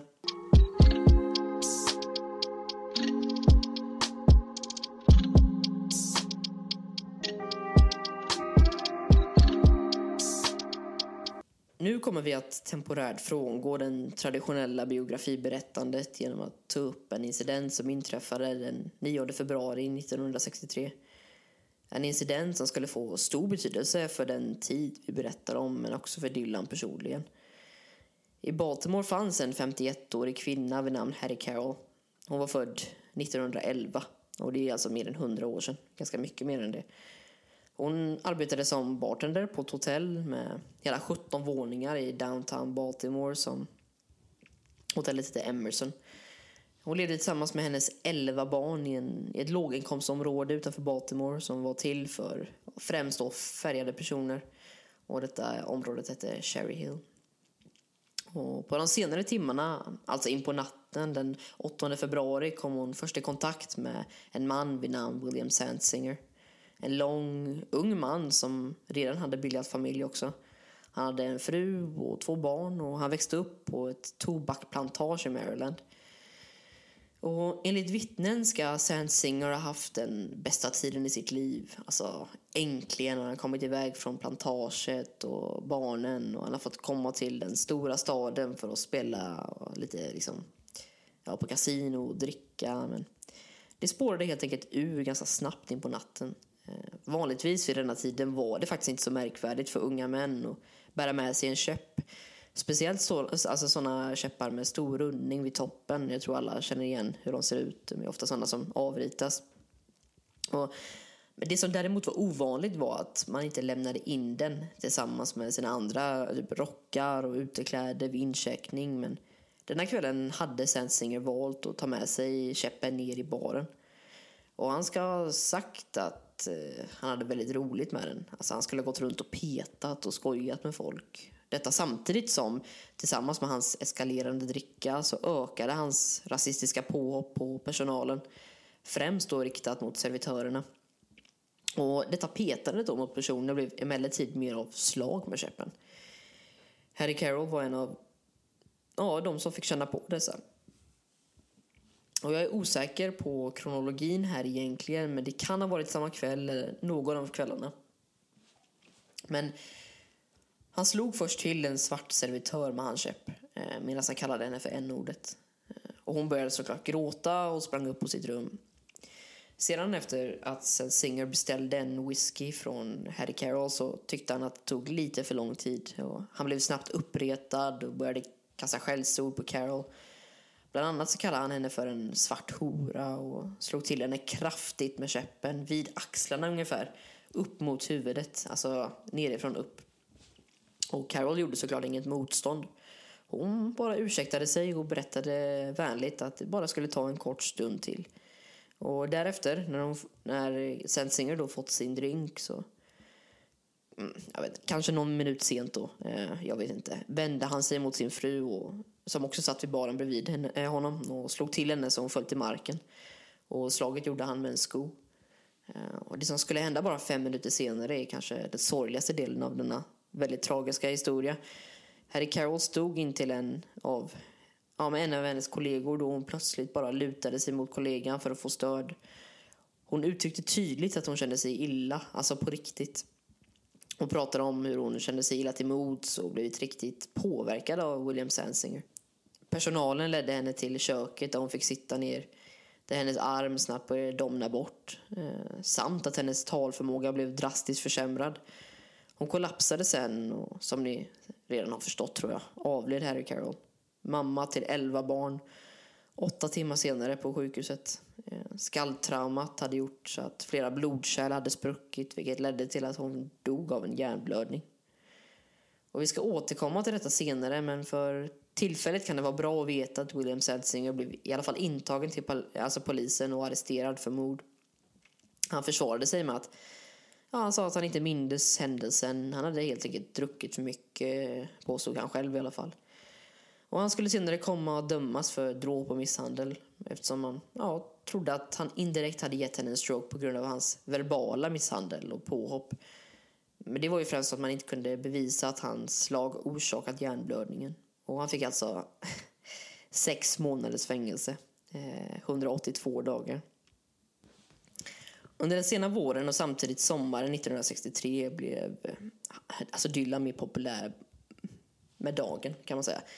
Eh, antalet festivaler och spelningar var konstanta och mottaget, mottagandet var gott medan Dylan fick mer erfarenhet av att uppträda för större publiker. Under sommaren förstod också att han, alltså hans skivbolag Columbia äntligen då att det fanns enorm potential i artisten och varumärket Bob Dylan. Det bokade till och med in honom på en av skivbolagets stora conventions i Puerto Rico under juli och han fick framträda framför kostymnissar och från skivbolags, eh, skivbolagsvärlden med en pina colada i handen. Något som själv gjorde Dylan illamående och det eh, förstår man ju men han gjorde vad som krävdes och han skakade hand med samtliga medan han stod och, ja, med ett leende på läpparna. Det är för övrigt ganska noterbart att Aretha Franklin och Tony Bennett också spelade på samma convention. Och det är ett sällskap som han tidigare inte haft. Men sen kom då eh, den 26 och 28 juli. Och detta kan man verkligen definiera som det definitiva genombrottet som kanske skulle kommit på The Ed Sullivan Show. Och jag tror att det finns mycket osäkert när det gäller Dylan. Alltså mycket som jag sagt idag som går att ifrågasätta. Men jag tror nog att de flesta kan vara eniga i alla fall om att här förvandlades Dylan från en ung folkartist i The Village till något som inte bara ska ja, föra positivt med sig faktiskt. Det skulle ju också hemsöka honom. Men det är ju, en, det är ju egentligen här han börjar bli en röst för en hel generation. Alltså han kröntes på något sätt vid denna stunden. Ehm, det föll nämligen så att Newport Folk Festival skulle hållas som vanligt 1963 och nästan 50 000 personer skulle vara där för att ja, men känna det vibrerande subkultursmäckat som var Newport Folk Festival. Den unga publiken var fylld av ja, unga gymnasieelever, collegestudenter, varav många av dem som tog med sina gitarrer till festivalen. Man kan säga att med hjälp av 70 separata artister skulle publiken i två dagar vara höga på musik, men också höga på medborgarrättsrörelsen. Liksom. Det vittnas om att det som var, var där verkligen kände att, men att de nådde ut till resten av landet på något sätt. Att de sa något viktigt och visade upp ett alternativ till hur landet kunde tänka. Man kan definitivt säga att festivalen var ja, men det som tog folkmusiken från subkultur till mainstream. Alltså pop på två dagar. Och inte nog med det så blev också Dylan sinnebilden av den nya revolutionen, om jag kan kalla det så. Trots att allt egentligen talade emot honom. Jag menar, att poppen inte var så annorlunda som man kan tro på den tiden. Elvis var ren, man kunde se att han doftade rakvatten och hårspray från tv-skärmen. Och när Dylan klev upp på scen med, sina häng, med, med sin hängande hållning, speciellt pösiga kläder och hans attityd för svartas rätt i samhället blev han som sagt min, sinnesbilden för den rörelse som skulle ja, men göra skillnad på riktigt under de nästkommande åren. Och Dylans porträtt var utspritt över hela festivalen. Han själv gick mest runt bland folket, nästan gömde sina kläder och såg spontant förvirrad ut. Men allt som gjordes under dessa dagarna hade Dylan och hans entourage då planerat väldigt grundligt. Det var som du sa innan Karin, masterplan. Um, Dylan fick ju avsluta det första riktiga konsert, alltså den riktiga stora konserten. Hans framträdande främst själv, men också tillsammans med Joan Baez, en sångduo som skulle hålla sig till och från i över 20 år framöver. Baez hade ju, och har fortfarande, en underbar ljus, gäll stämma. En trevlig röst att lyssna på, men kanske inte mer än ett par låtar för att det började till slut skära. Hur som helst. Hon hade i alla fall lärt sig några av Dylans låtar under upptakten av festivalen och deras duetter var en perfekt kombination av ja, men Dylans raspiga röst tillsammans med Baez rena och ljusa stämma. Baez säger själv i samband med detta, Dylan själv säger eh, och sjunger vad alla i deras ålder tänker men inte kan säga. Eh, och Baez var faktiskt bara, jag tror hon var sex månader äldre än Dylan och var redan en etablerad artist. Eh, och faktiskt erkänd i hela landet. Hon sålde ut stora konserthallar och hon var faktiskt ganska egocentrisk och kvick kvinna som hade träffat Dylan då ett tag före Jerts Folk City. Ehm, men samtidigt som polisen i Newport bekräftade det största åskådarantalet i stadens historia gick Dylan upp på sin första solospelning och fick enorm respons. Och inte bara för publiken utan också pressen. Och nu ska jag citera Newport, eh, Newport News när de säger He is the voice of the oppressed in America and the champion of the little man. Och hans set då avslutades med We shall overcome såklart i allsång och senare konserter innehöll förstås Guthrie's This land is your land. Och Grossman då kunde bara stå, ja, men, som ni hade kunnat tänka er, med stort leende bredvid. Och, ja, men inte bara var Dylan fantastisk utan hela konceptet med en festival driven av artister var liksom genial. Och detta då tillsammans med ett stort syfte och ett fokus på medborgarrättsrörelsen det gjorde allting till något speciellt. Och efter han hamnat i hetluften valde Dylan nästan faktiskt direkt att avvika. Eh, alltså från omvärlden. Bara ett kort tag efter sensommaren någonstans där. Han skrev och lät tas hand om i John Baez stuga utanför New York. Han Ja, men här inleddes mitt i en av de svagaste och mest dramatiska delarna av hans och Susies förhållande, en affär med John Baez. Susie hade ju suttit vid sidan av scenen när Dylan och Baez uppträtt tillsammans. Och hon ska sedan ha fått frågan om hon trodde att de hade en affär. Alltså rak fråga. Hon var själv helt säker på att det var omöjligt.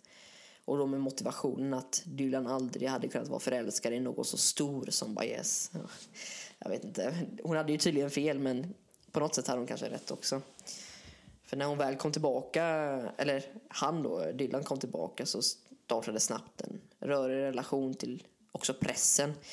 De som tidigare varit men relativt, relativt friktionsfritt i alla fall blev nu början på en långvarig fight mellan journalisterna och Dylan som håller i sig än idag med bara ja, ett fåtal undantag.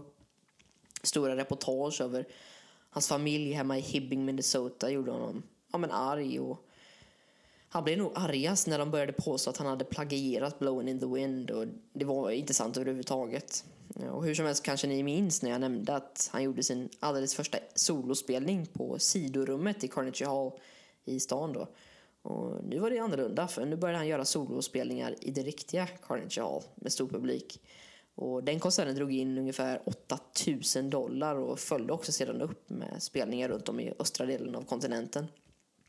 Och det är väl nu det riktiga genombrottet kommer för jag liksom nu när det genombrottet kommer så kanske det är en bra, ett bra tillfälle att göra en kort paus kanske i kronologin för att stanna bland annat i just denna spelning i 63 då i Carnegie Hall. Eh, konserten som för övrigt Abe och Betty, hans föräldrar då, tog sig till i New York för att lyssna. Eh, för jag tänkte både för rutinerade lyssnare men också nya Dylan-intresserade komma med några rekommendationer från en bootleg som han släppte eh, 91 som heter The Bootleg Series eh, volym 1 till 3. Eh, och här fanns, eh, eller finns då bland annat inspelningar från denna konserten. Och jag tycker ändå det kan vara värda att lyssna på och de är relevanta fortfarande. Eh, vi kan väl typ börja med eh, låten Who Killed Davy Moore. Eh, Davy Moore var en amerikansk boxare vars karriär sträckte sig i tio år mellan, jag tror det var 53 och 63. Känd som The Little Giant. Eh, för Moore var faktiskt bara 157 cm lång. Och den 18 mars eh, 59 vann Moore världsmästerskapstiteln i featherweight från en eh, boxare som heter Hogan Bassey. Och Moore höll titeln i fyra år och tre dagar. Försvarade den fem gånger tror jag innan han förlorade den. Mot den kubanska Sugar Ramos i mars också, 63. Och under den här matchen med Ramos på Dodger Stadium blev Moore knockad ner i repen under den tionde ronden. Och Moore förlorade genom teknisk knockout i slutet av den tionde ronden och Ramos tog titeln. Eh, och då gick Moore tillbaka till omklädningsrummet som han gjorde och gav intervjuer efter matchen. Och han uttryckte verkligen en önskan om att möta Ramos igen och återta titeln. Däremot, eh, efter att reporterna hade lämnat klagade han över en ganska smärtsam huvudvärk och föll medvetslös ganska kort därefter. Och han fördes till White Memorial Hospital där han diagnostiserades med obotlig hjärnskada. Och Moore återfick aldrig medvetandet och avled som en följd av åkomman den 25 mars. Och efter Moores död debatterades boxningsmoral liksom av både politiker men också religiösa ledare. Sången till exempel David Moore heter den, eh, en folksångare vid namn Phil Ox som beskrev sig som en sjungande journalist. Men han erbjöd en skarp kritik av sporten som ja, och alla som associerade sig med den. Eh, men Dylans sång däremot förmedlar ett mer indirekt budskap och ett budskap som sträcker sig bortom boxningsarenan för att liksom inkludera samhället som helhet eh, på sitt typiska ironiska sätt också. Eh, för när Dylan alltså introducerade Who Killed Davy Moore under sin show 31 oktober då vände han sig till publiken och sa This is a song about a boxer it's got nothing to do with boxing. It's just a song about a boxer, really. And uh, uh, it's not even having to do with a boxer, really. It's got nothing to do with nothing. But I fit all these words together. That's all. It's taken directly from the newspapers. Nothing's been changed except for the words. Ja, så ni kan ni fattar hur han höll på, men redan efter första orden kom liksom jublet i inspelningen. Och det är inte den enda märkbara delen i framträdandet. För om ni går in och lyssnar så i verserna han sjunger om att Boxing ain't allowed no more. Alltså boxning är inte längre tillåtet. I Fidel Castros Kuba blev jublet dånande i lokalen och stämningen blir liksom uppspelt. Och ni borde faktiskt verkligen lyssna på den. Eh, men sedan har vi faktiskt en riktigt fin låt som, på samma platta då, som heter Let Me Die In Your Footsteps. Och det var någonting som Dylan avslöjades i Chronicles Volume 1, eh, alltså hans självbiografi, där han angav att Den var baserad på en ballad av Roy Acuff. Eh, och enligt Dylan var sången inspirerad av byggandet av skyddsrum mot kärnvapen. En liksom utbredd praxis i USA under den politiska kalla krigets period. Och då tänker jag typ på 50-talet när han växte upp. Och 63 gav Dylan följande berättelse då om hur han eh, kom att skriva låten. Eh, själv tror jag inte på det som jag kan tänka mig känna igen hans mytomani. Men ni får väl avgöra själva. Och då var det citat. Jag var på väg genom en stad och de höll på att bygga detta skyddsrum precis utanför staden. En sådan där sorts kolosseumliknande sak. Och det var byggarbetare och allting. Och jag var där i ungefär en timme och tittade på dem bygga. Och jag skrev bara låten i mitt huvud då, men jag bar med mig den i två år tills jag till sist skrev ner den.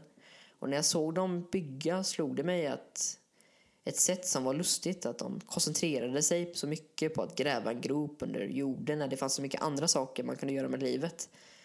Om inget annat kunde de titta på himlen och gå omkring och leva lite kanske, istället för att göra de omoraliska sakerna som de gjorde. Slutcitat då.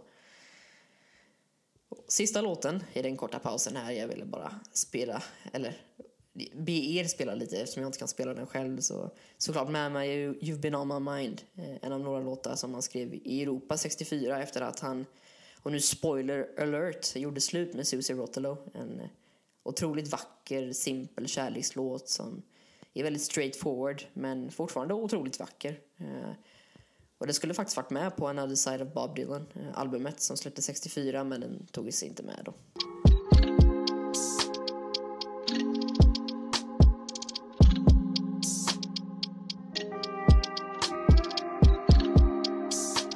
Men som de flesta nog känner till så blev hösten 1963 något annat än uppmuntrande för USA. Det hade inte bara effekt på Bob Dylan såklart, utan hela landet. Ja, eh, för när Dylan satt under julhelgen det året och åt middag tillsammans med sin nyss hemkommande flickvän Susie och hennes familj fanns det en, ja, men något melankoliskt och grått över allas tillvaro. Det är för övrigt, om någon vill ha en måttstock på vart vi är i historien så är det samma, eller bara några dagar efter att Brad Pitt har fötts. Så att eh, om man vill veta någonting om, eh, det kanske var irrelevant. Skitsamma. Vid slutet av 63 präglades det amerikanska psyket i alla fall av en blandning av känslor och händelser som hade skapat en komplex och ibland motsägelsefull stämning i samhället. Alltså, året hade varit turbulent alltså, med flera avgörande händelser som hade påverkat människors ja, sinnestillstånd och kollektiva medvetande.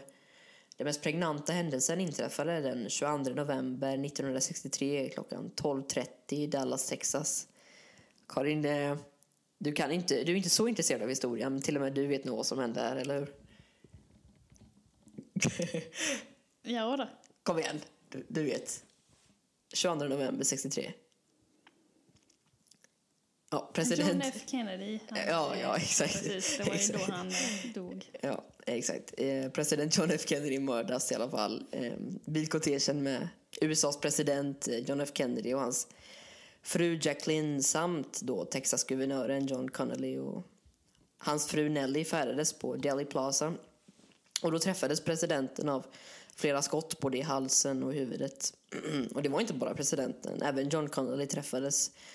Men presidenten fördes i alla fall i ilfart till eh, Parkland Memorial Hospital där han dödsförklarades en halvtimme senare klockan 13.00. Och en ny president behövdes ju och en utredning tillsattes ju av den nya presidenten Lyndon B Johnson. Också en väldigt påverkande faktor under den här tiden. Speciellt framöver för medborgarrättsrörelsen men han kom i alla fall fram till att, eller ja, inte bara han då, men hans regering kom fram till Lee Harvey Oswald. Eh, ja, ensam mördade Kennedy. Och, nu vill jag inte spoila allt för mycket för nästa avsnitt men vi kanske går in på en och annan konspirationsteori om detta nästa avsnitt, eh, eller nästa artist. Ni får prenumerera för att följa med på det. Men hur som helst, mordet då, alltså det chockerade såklart. Och den plötsliga förlusten av landets ledare skapade en, ja, en, såklart en våg av sorg och oro över hela landet i USA. Och vi har ju haft samma sorg i Sverige, eh, i och för sig innan jag levde, men när Palme dog så tror jag det var samma melankoli i alla fall. Alltså människor kände en stark koppling till Kennedy och hans vision om en bättre framtid. Alltså, hans död skapade en känsla av osäkerhet och en fråga om nationens riktning. Och samtidigt då som den pågående medborgarrättsrörelsen intensifierades under året. Demonstrationer, protester och ja, men generella krav på lika rättigheter för alla medborgare. Och då oavsett ras och alla dessa händelser bidrog ju till att belysa de djupa rasrelaterade ojämlikheterna och, ja, men och spänningarna i samhället, för det var verkligen spänt. För om vi kanske ska gå in på det nu eftersom det har så enormt mycket med Dylan att göra också under den här tiden. Och ni vet vad som hände där, men under perioden 55 till 1968 utkämpades i USA en strid för lika medborgerliga rättigheter. Och särskilt då för den svarta befolkningen. Ehm, Denna rörelse, känd som medborgarrättsrörelsen, var inte en liksom enkel organisation med ett enhälligt mål. Ehm, alltså metoderna för att uppnå önskade förändringar var varierade. Ehm, och då var det liksom inklusive både juridiska men också politiska ansträngningar samt utomparlamentariska metoder såsom massmöten och demonstrationer. Och vissa delar av landet använde till och med våld för att påverka sig, alltså situationen. Ehm, och då pratar jag främst om södern där rasistiska segregationen var mest utbredd genom de så kallade Jim Crow-lagarna. Och där var rörelsen så starkast. The laws were intended to marginalize African Americans by suppressing their right to vote, limiting their access to good paying jobs, while excluding access to higher education. Those who attempted to shirk the laws often faced arrest, fines, jail time, violence, and even death. Medborgarrättsarbetet hade pågått även innan 1955 såklart. Men Denna nya tidsperiod den anses ofta som en, ja, men en viktig vändpunkt i amerikansk historia av flertalet skäl. Eh, nya ledare för den svarta befolkningen som Martin Luther King Jr och Malcolm X såklart. De trädde ju fram nu. Och under denna perioden börjar man organisera massmöten, bojkotter och andra aktioner. Och alltså utöver de väldigt viktiga juridiska processerna. Eh, så allt detta var liksom men alla de här sakerna ackumulerades tillsammans till en enorm rörelse. Och en symbolisk milstolpe som alla känner till historien av är ju den första december eh, 1955. Och detta brukar ju vara liksom startskott. Det här är liksom när de sköt eh, prins Ferdinand. Liksom. Det, det detta ögonblicket som startade allting. Eh, Rosa Parks då, såklart. En svart busspassagerare i Montgomery eh, i Alabama. Hon vägrade ge upp sin plats för en vit passagerare och det var ju såklart inte tillåtet vid den här tidpunkten. Och denna händelsen ledde till något som hette bussbojkotten i Montgomery och det skapade liksom uppmärksamhet kring absurditeten i de rasistiska lagarna och alltså segregationen generellt. Och en annan betydelsefull händelse var marschen till Washington eh, för arbete och frihet. Eh, och den inträffade den 28 augusti 63. Och det är svårt att ta in, men alltså 250 000 personer deltog i den här demonstrationen i Washington. Då. Eh, där Martin Luther King Jr höll sitt tal I have a dream, och det känner de flesta till också. Ehm, allt framför Lincoln-monumentet också. Och en hel grupp av protestsångare, inklusive Dylan, eh, uppträdde på marschen då. Alltså det var ja, han, Baez, Odetta, Peter Paul Mary, som för övrigt har en jättebra låt, ni måste lyssna på den. Den heter eh, Early in the morning. Eh, den- Den är ju med i Mad Men där, när prästen spelar den. Ja, den är, det är väl för att jag ser om på Mad Men här nu, men om ni vill ha ett låtförslag så var det ett till låtförslag är också Only a pawn in, your, in their game av Dylan och det var ju en av låtarna han spelade. Hur som helst så när Dylan då satt på bussen på väg hem eh, till New York City läste han igenom New York Times och fastnade för en specifik artikel. En dom hade idag fallit efter en tids rättegång. Eh, William Sandsinger blev då dömd till sex månaders fängelse som jag pratade om innan. Och Dylan hade inte hört talas om fallet om den 51-åriga Hattie Carroll som dog av skador som hon hade åtagit sig av William Sandsinger. Hans helt oprovocerade våld. Eh, han ville direkt sätta sig och skriva en sång om händelsen. Och detta gjorde han också i ett nattcafé på Manhattan och det spelades in bara några månader senare och släpptes också när, ja, men när fallet var relativt färskt. Och Många kände till det runt om i landet och i texten som för övrigt är helt briljant gav han nästan helt verklig återberättelse av händelseförloppet med ett fåtal ändringar. Oavsett vad så säger hela texten en hel del om samhället som de levde i men också om hur framtiden kommer se ut och jag vill hävda att den faktiskt fortfarande är aktuell idag. Och trots att fallet kanske inte är alltså själva fallet inte är riktigt lika mm, ja, aktuellt men Dylan blev inspirerad av allt som hände runt omkring honom i alla fall och det är en solklar viktig del i de färgades kamp mot rättvisa.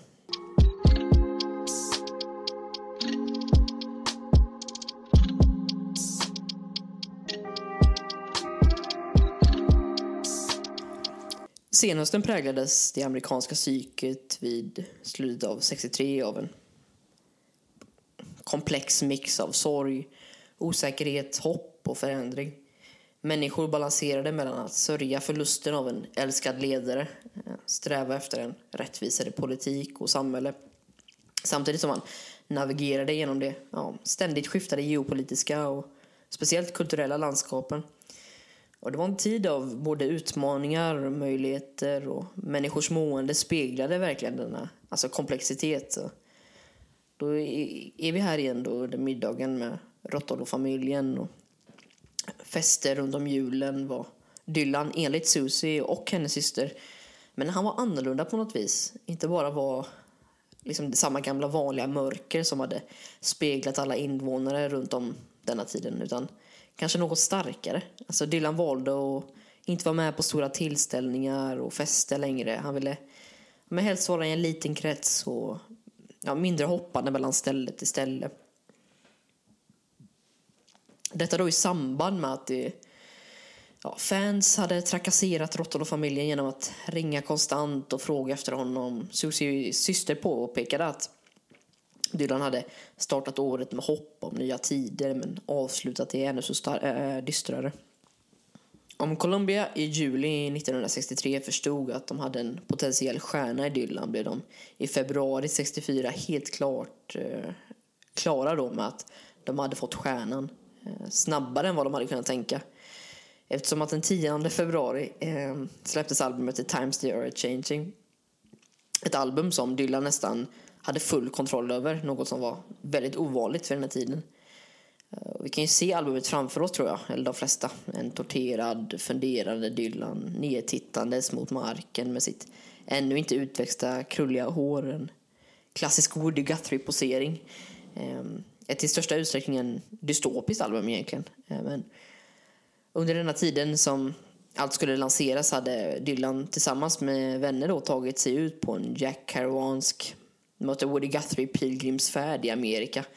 Man skulle på en kort tid ta sig in och ut ur stora delar av öst och ner genom Mississippi, så, så kallade svarta bälte, eh, ner till New Orleans där de stod på kända Bourbon Street, ni vet, och skrek riktigt bra jobbat till ja, unga killar som sjöng och imiterade Dylan. Och, ja, men det ville sedan bila till Denver, Colorado på två dagar men Dylan insisterade att de skulle stanna i Dallas han, eh, likt många andra, ville ju bara några månader efter se platsen där deras före, ja, men före detta president hade mördats. Och det gick inte på kartor direkt, det där umgänget. De ville, men de ville verkligen åka runt på egen hand, så de valde att fråga runt sig i stan och tills de till slut kom fram till Delhi Plaza.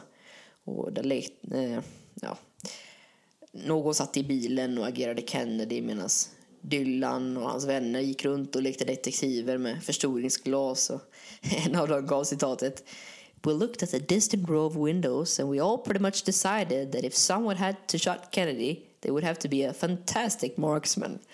Alltså, Så, en till minnesvärd anekdot från resan i alla fall. Det var när de hade anlänt till Reno och valde att testa sin, ja, men sin tur på kasinot som man brukar säga. Och Dylans vän som heter Pete, han tog snabbt slut på sina äh, 34 dollar, vilket ändå är väldigt mycket eh, under denna tiden. Och Dylan spelade bort nästan 100 på blackjack. Och när de med huvuden nere mot marken som förlorare vandrade mot utgången valde Dylan att ja, men lägga sina sista öron i en slottmaskin och från ingenstans ska den ha lyst upp hela hallen som Times Square och mynt bara öste ut på dem. Och, ja, jag vet inte hur sanningsenlig den är. Hem till New York kom han dock till slut. Och efter många om och men i alla fall. Hög som in i helvete på gräs och in och ut ur en depression. För trots sina, ja, med sin stora följarskara så kände han sig nog ja, men väldigt ensam framför de tusentals personer i publiken. Jag måste påpeka här att trots att jag känner men jag kommer inte nämna exakt varenda affär och flickvän och relation som Dylan har. För det är helt, helt enkelt inte så intressant för mig i alla fall. Och det tåls i, alla, tåls i alla fall att säga att Susie och Dylan gjorde slut i mars detta året. Mycket bråk, ångest hade liksom kommit emellan och inte minst Joan Baez. Ja, det fungerade helt enkelt längre inte. Ehm, dessutom ska han snart iväg igen. Ehm, I maj det året var det dags för honom att korsa Atlanten och ta sig till England. Och vid Dylans främsta framträdande på andra sidan världen var kön så lång som man inte ens kunde se slutet. Utsålt alltså, ehm, såklart. Den 17 maj på Royal Festival Hall, en succé. Han satte i landet en stor bas för det som skulle komma året efter och skulle göra honom till en nästan lika stor stjärna som The Beatles i hemlandet. Och han var med på flera tv-sändningar och gjorde framträdanden som också blev en succé. Men efter en vända i Paris i alla fall var det tyvärr dags att vända hem. Och Dylan visste att han ville göra Folkport-festivalen eh, i år också då. Eftersom det hade blivit en enorm succé förra året. Det som hade gjort honom till en stor artist. Men det blev egentligen bara en, eller ett antiklimax. Eh, replika som Dylan hade nästan spanat in under liksom, det år som gått då alla unga artister skulle nu sjunga om viktiga ämnen och fylla olika delar av publika medvetandet. Och, ja, men en känsla av obehag strök publiken under ja, men Dylans sätt främst. Då. Han var ja, men själv klar med att han inte brydde sig när publiken var märkbart frustrerade men också lite trötta på honom kanske. Men hade, han fick i alla fall sina applåder. Och det var bara något som inte stod rätt till helt enkelt. Och det beskrevs bland annat i pressen att han inte att han hade miss sin relation lite med publiken och att oavsett hur stor talang man är kan man liksom inte släppa, ah, man kan inte släppna av som, som man hade gjort helt enkelt. Ja. Är det så att det är nu Dylan flyttar nästan från gott från New York? Nej, alltså Dylan flyttade inte från delstaten utan från New York City när han behövde vara i stan bodde han främst hos Grossman men annars nästan bara ute i Woodstock som ligger i samma delstat. Men under sommar, äh, sensommaren och kanske hösten stannade han i lugnet och uppskattade tystnaden i viss mån. Hans vänner var fortfarande i trakterna liksom. Han badade i Grossmans pool som han hade då. Han hade sin motorcykel i hans garage som han ofta körde runt på. Och detta betydde däremot inte att han hade dragit sig tillbaka. För redan i augusti gjorde han ja, men stora konserter framför alltså 15 000 personer tillsammans med Baez. Och oron bara steg då eftersom Dylan hade en ja, men otränad röst och han blev ifrågasatt av pressen hela tiden. Sen så kommer vi väl till halloweendagen i 64, tänker jag. Det är en, ett stort datum eh, i just den här, eh, det här året för att det är en av Dylans mest kända och hyllade konserter. Eh, framträdandet på Philharmonic Hall eh, på halloweendagen 1964. Det första riktiga hyllade konserten på kanske typ ett halvår. Och det var kanske här vi kommer avsluta den första delen av vår berättelse om Bob Dylan. För vi har ju faktiskt sett en ung judisk medelklasspojke hitta på en karaktär, bryta ur normen och få ett följe i världens metropol. Vi har sedan sett just den artisten bli ett världsfenomen som just nu står på glänt till att bli världens största artist kanske. Men också en man som ja, kanske faktiskt gräver sin egen grav som kanske inte kommer att överleva vad som komma skall. Och nästa vecka kommer den verkliga berättelsen om en tid i hans och, och Amerikas liv som skulle göra skillnad i generationer framöver. Och Karin, jag hoppas att du följer med men jag hoppas också att ni som lyssnar följer med. Då. Då får vi bara tacka för den här veckan så hörs vi nästa. Hej då.